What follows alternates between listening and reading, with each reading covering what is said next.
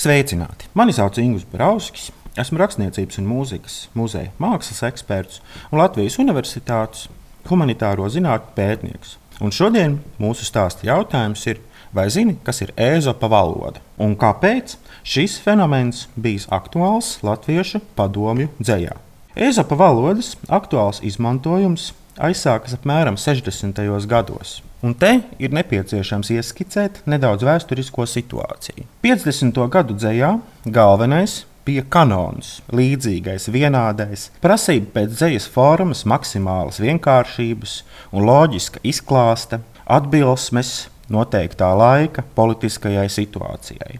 Bet jau 60. gados vērojama pretēja tendence. Dzējā parādās cīņa pret kanonisko, pret schematisko, vienādo. Redzams, ka aktualizētas tiek piemēram jūtas, kas līdz tam aizvirzītas malā, jo kārtīgam komunistam par jūtām nav jādomā, kur nu vēl jāraksta dzēja. To ievieš jaunā latviešu dzinieku paudze, piemēram, Ojārs Vācietis, Velga Krile, Imants Ziedonis, Imants Auziņš un daudzi citi. Šis gan ir ļoti koncentrēts tā laika situācijas raksturojums, tomēr nozīmīgi ir tas, ka 60. gados notiek arī vismaz vēl divas fundamentālas parādības. Tā ir vēsturiskās atmiņas atjaunošanās, etniskās identitātes un sakņu tematika, un arī folkloras, mitoloģijas tēlu ienākšana dzējā. Varbūt no šodienas cilvēka skatījuma vairs neko īpašu neizsaka Jāņa Petera dzējolis Aka imanta auziņa, balāde par lībiešu ciemu vai laimes līmenis dzējolis ezers. Bet, ja skatāmies no ezopa valodas puses, tad šie tēli, piemēram, aka, ezers, saistās ar to, kas ir dziļi paslēpts, kas glabā tautas identitāti, tautas seno gudrību. Šie simboli parādās arī folklorā, tie ir nākuši no folkloras. Šo simbolisko tēlu lietojums cenzūrai, kas tajā laikā ir aktuāla, bieži vien nav saprotams. Tāpēc pirmkārt, dzēja kļūst daudzdimensionālāka, otrkārt, to ir iespējams publicēt brīvāk. Tas ir viens no pamatiem, kas veido ezopa valodas rašanos. Te nu pienācis laiks tieši pateikt definīciju šim izteiksmes veidam, ko šeit sauc par ezopa valodu. Ir veidojies no frīģiešu verga ezopa, kurš dzīvojis senajā Grieķijā un baidījies savas domas izsakīt tiešā veidā. Tāpēc savas fabulas rakstījis ar aplinkus mājieniem. Tātad ezopa valoda ir līdzību valoda, maskēts domu izteikšanas veids, slēptu mājienu valoda, kas bieži lietota cenzūras apstākļos. Es minēju, ka 50. un visvairāk 60. gados dzēju var publicēt jau brīvāk, bet, protams, ne pavisam brīvi jo cenzūra nebūtu nesnauž, bet cītīgi uzmana un meklē arī kļūmes ezopa valodā. Un dzējoļa piemērā dzirdēsiet arī ezopa valodu. Situācija ir tāda, ka jaunajai, tobrīd atzītajai dzējniecei jāuzstājas televīzijā, jānolasa dzēja. Nolasāmā dzēja iepriekš ir jāatrāda kontrolē, vai atbilst kārtīgai padomju dzējnieces dzējai. Krile dzējoļus atrāda, tos akceptē, tomēr būdama garā dumpiniece, Krile nolasa arī dzējoli, kas nav atrādīts. Toties, kurā ir izmantota diezgan atklāta ezopa valoda. Proti, tas ir dzējolis variācija par ekziperiju tēmu. Piemēram, rozes ir tik nevarīgas. Man uzspurnis, vēl kādam uzspurnis.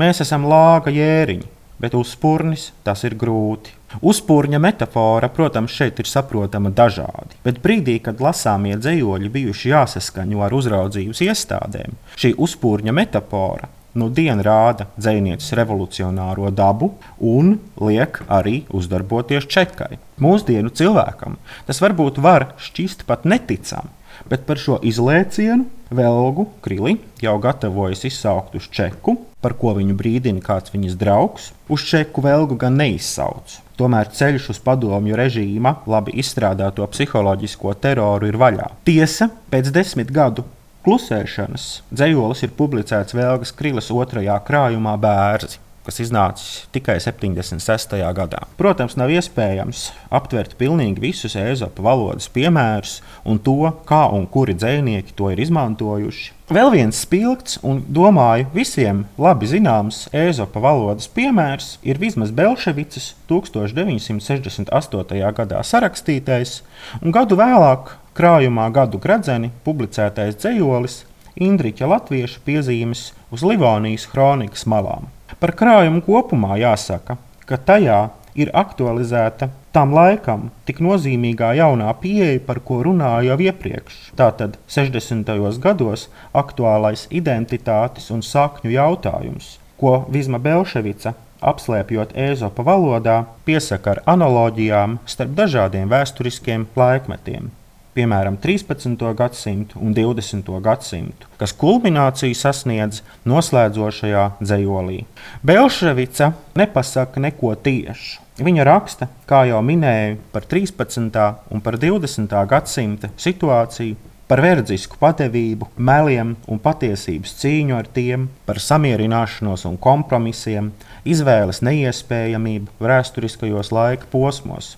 Faktiski tas ir cilvēka iekšējā konflikta tēlojums. Taču krājums izsauc niknus uzbrukumus dzēniecei pat centrāla komitejas funkcionāru līmenī, kur partijas komisijas priekšsēdētājs atšifrējis Ēzofa valodas domu, pārmet, ka, citēju, atsevišķos dzējoļos, izmantojot Ēzopa valodu, viņa mēģinājusi lasītāju no skaidras domas aizvest minējumu un mājienu miglā.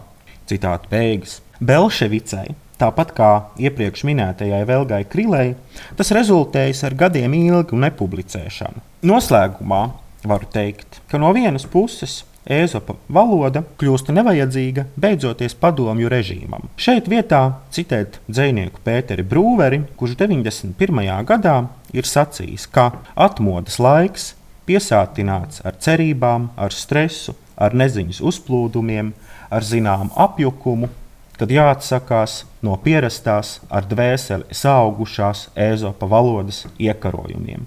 Bet no otras puses, mājienu un līdzību valoda vienmēr būs vismaz viens no dzējas izteiksmes līdzekļiem.